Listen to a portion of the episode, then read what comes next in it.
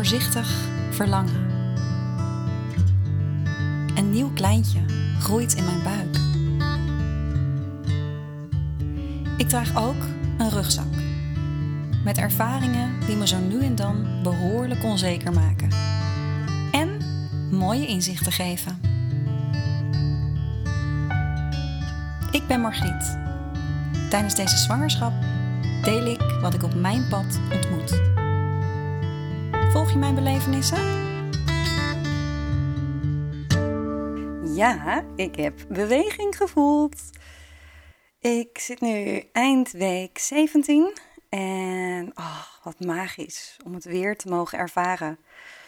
Uh, gisteravond, toen ik uh, bijna in slaap ging vallen, dat was echt super moe, legde mijn handen op mijn buik en dat had ik al vaker geprobeerd en niet echt iets gevoeld.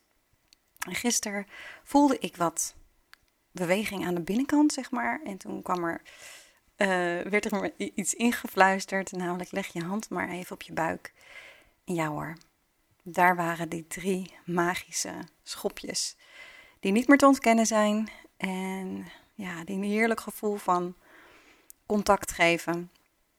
En ja, stiekem natuurlijk ook uh, wat bevestiging van, uh, van het leven dat, dat in mij groeit. En dat had de verloskundige al gezegd van wacht maar tot je het gaat voelen. Weet je wel, dat is, dat is een heerlijke bevestiging. En ik heb er voor mijn gevoel best wel eventjes op moeten wachten. Alhoewel volgens de boekjes is volgens mij week 18 uh, het begin van dat je het kan gaan voelen. Dus het zegt nog helemaal niks als je het nog niet hebt gevoeld. En toch, ja, zeker nu met uh, nou, dat wat ik eerder heb meegemaakt, uh, ja, kon ik niet wachten om dat te gaan voelen. Vandaag deel ik mijn belevenissen en inzichten met je uh, van week 16 en 17 van deze nieuwe zwangerschap. En allereerst ben ik even benieuwd hoe het met jou is en hoe jij je voelt. Um, helaas kan ik je antwoord niet horen, maar nieuwsgierig ben ik wel. Ik uh, ben, ben, zelf echt een stuk minder misselijk. Uh, vergrijp me ook ietsjes ietsjes, met nadruk op ietsjes, ietsjes minder aan allerlei uh, lekkere dingetjes. Um, en mijn, uh, mijn energie uh, bleek echt weer een soort van opleving te maken. En nou ja, vandaag en gisteren juist weer dat ik dacht van poef, um, ik kan wel blijven liggen in bed.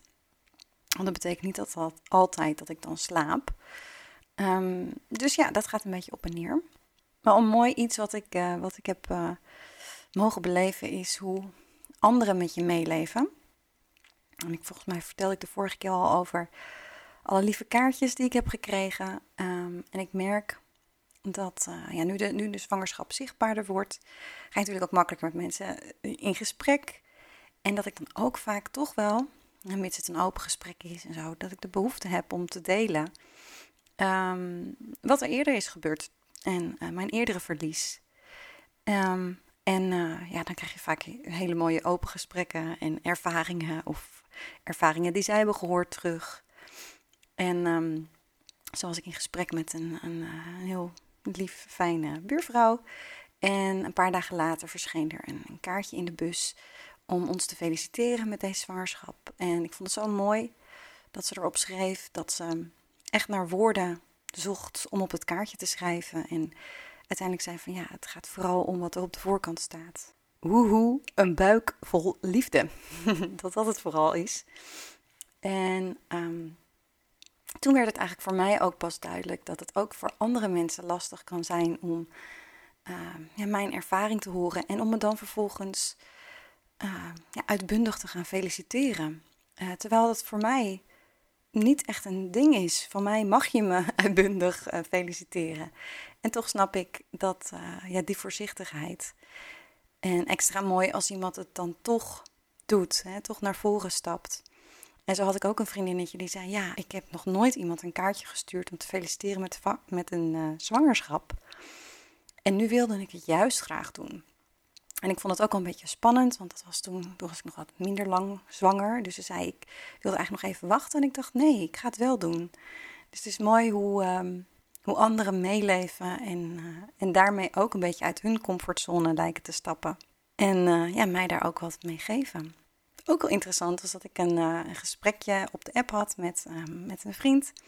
En ik vertelde over de zwangerschap. En, en hij vertelde over dat zij uh, al twee miskramen hadden gehad. Dus ik reageer eigenlijk automatisch vanuit mijn beleving. Oei, wat heftig. En hij schreef terug: Nou, dat viel best wel mee hoor. Ja, leuk is het natuurlijk niet. En dat was ook wel even verfrissend of zo. Om even te horen van niet iedereen ervaart het even zwaar en um, moeilijk of heftig. En um, nou is hij, ook degene, is hij ook niet degene geweest die het fysiek heeft meegemaakt natuurlijk. Dus misschien als vrouw dat dat toch nog wel weer anders is.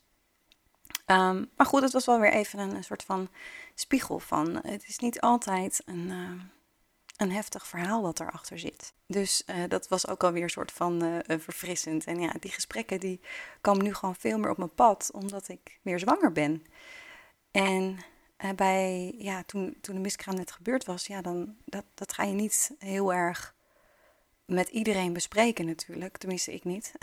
en ik heb het wel met veel mensen besproken hoor, maar niet zeg maar de cirkel daar net buiten. En ik vind het toch wel heel waardevol om dat nu te kunnen doen. Deze nieuwe zwangerschap helpt me daarbij. Ik ben ook lekker op pad geweest met Frank. Uh, wij zijn nu uh, zes jaar getrouwd en uh, gingen lekker een dagje en een nachtje samen weg. En um, dat was wel weer even leuk om even samen weg te gaan terwijl je zwanger bent. Ehm, dat maakte me wel weer even ook weer een soort van bewust zwanger. En voelde ook wel een beetje gek om Senna dan achter te laten. Terwijl ze het heel erg naar de zin uh, had daar. Voelde me toch een beetje als van ja, nu mag er eentje wel mee en eentje blijft thuis. maar dat, nou ja, goed, dat zat vooral in mijn hoofd gelukkig. Nou, heerlijk samengenoten van uh, lekker fietsen, de natuur, lekker eten. Ja, en daar hoort lekker drinken ook bij. En ik weet nog wel dat ik bij uh, de zwangerschap van Senna op een gegeven moment dacht: oh, al die sapjes en en spaatjes en zo, ze komen nu wel mijn, uh, mijn neus uit wat moet ik nou drinken? En uh, nou, we waren echt een beetje chic uit eten in een mooie villa. En toen dacht ik, nou laat ik eens vragen wat ze alcoholvrij hebben. En toen zei ze, nou we hebben een alcoholvrij uh, Prosecco. Nou goed, dit, dat was heerlijk. En ook even die afwisseling te hebben van, van ja, vooral water met citroen. Dat blijft toch wel mijn favoriet. ja, is dit ook wel echt een tip. Um, zeker als je even wat wil vieren of als je met mensen aan tafel gaat. Um, het, het, is veel steeds normaler, want ik dacht even, ik heb mazzel in dit restaurant, maar het volgende restaurant had het ook. Dus, um, en, niet, en echt nog best wel lekker ook. Dus alcoholvrije Prosecco, een tip. Uh, oh ja, en dat restaurant waar we zaten hadden zelfs een zwangerproof tiramisu of tiramisoep, zoals Senna het uitspreekt. Dus het lijkt wel alsof de wereld ook wat meer um, ja, rekening houdt met zwangeren. Het is natuurlijk voor mij zeg maar ook al ietsjes langer geleden dat ik zo lang zwanger ben geweest. Dus uh, wat dat betreft is de wereld ook weer uh, een stapje verder. Ik, uh, ik werk veel thuis. Um, nou, dat, dat komt vooral omdat ik zelfstandige ben. Maar ook nu in deze tijd, uh, nu we allemaal meer thuis moeten werken, meer online werken, um, ja, zie ik dus ook minder mensen, minder collega's waar ik mee samenwerk. Ik geef veel trainingen. Uh, afgelopen week had ik een, uh, wel weer een bijeenkomst. En ik merkte weer even hoe fijn het was dat mensen dan je zien en dat jij hun ziet natuurlijk. En dat ze dan spontaan iets over je buik kunnen zeggen en je echt feliciteren. En dat ik denk, oh ja, dat heb ik eigenlijk best wel gemist. Want dat was um, voorheen, uh, dat we meer uh, uh, ja, fysiek bij elkaar konden zijn, um, ja, was dat er natuurlijk veel meer. En nu zit ik gewoon heel vaak achter een beeldscherm in een, in een online gesprek. Ja, en dan zie je mijn buik niet per se, tenzij ik opsta en in beeld loop of voorbij loop. Dus ja, het is eigenlijk normaler dat je het nu niet ziet. Diezelfde avond had ik een, uh, gaf ik een online training. En ik merkte van ja, ik wil het eigenlijk wel even delen met deze deelnemers. Dat ik, uh, dat ik zwanger ben. Ook omdat het mijn energie beïnvloedt op dat moment. Er was ook iets in mij dat, dat me een beetje afremde. Van, want je weet niet welke mogelijke pijn eronder ligt bij een ander. Als ik heel vrolijk vertel dat ik zwanger ben, heb ik geen idee wat diegene zelf al op dat, op dat gebied heeft meegemaakt. En uh, de een gaat er wat makkelijker mee om dan de ander. Dus uh, dat is dat is dan wel weer een soort van een nieuw probleem wat naar boven komt als je het dan wilt delen. En zeker ook online. In hoeverre kun je inschatten dat mensen dat, uh, dat, dat wel of niet prettig vinden? In dit geval heb ik het eventjes benoemd en ook even gekeken van hoe reageerden mensen erop. En ze reageerden allemaal heel blij. Dus toen heb ik aan het eind ook nog eventjes mijn buik geshowt. Dus ik ben even gaan staan en... Oh, tenminste, ik heb eerst even gevraagd, willen jullie mijn buik nog zien? Ja, ja, dat willen we. En, en toen heb ik hem even geshowt. Dus op die manier vind ik er toch wel een beetje een weg in om ehm, ja, ook uh, zichtbaar, zeg maar letterlijk zwanger uh, te zijn. Wat, wat afgelopen twee weken ook voor mij naar boven is gekomen, dat ik um, de hele grote onzekerheid die ik in het begin voelde, die is echt wel gewoon steady op de achtergrond, maar hij is niet weg. en hij komt vooral terug op het moment dat ik over de toekomst ga praten. Dus ik zeg regelmatig tegen Senna van, nou ja, straks als je broertje of zusje er is, of um, tegen andere mensen van, nou ja, in februari verwachten we ons kindje. En uh, zodra ik dat zeg, vloept er wat angst bij mij naar binnen.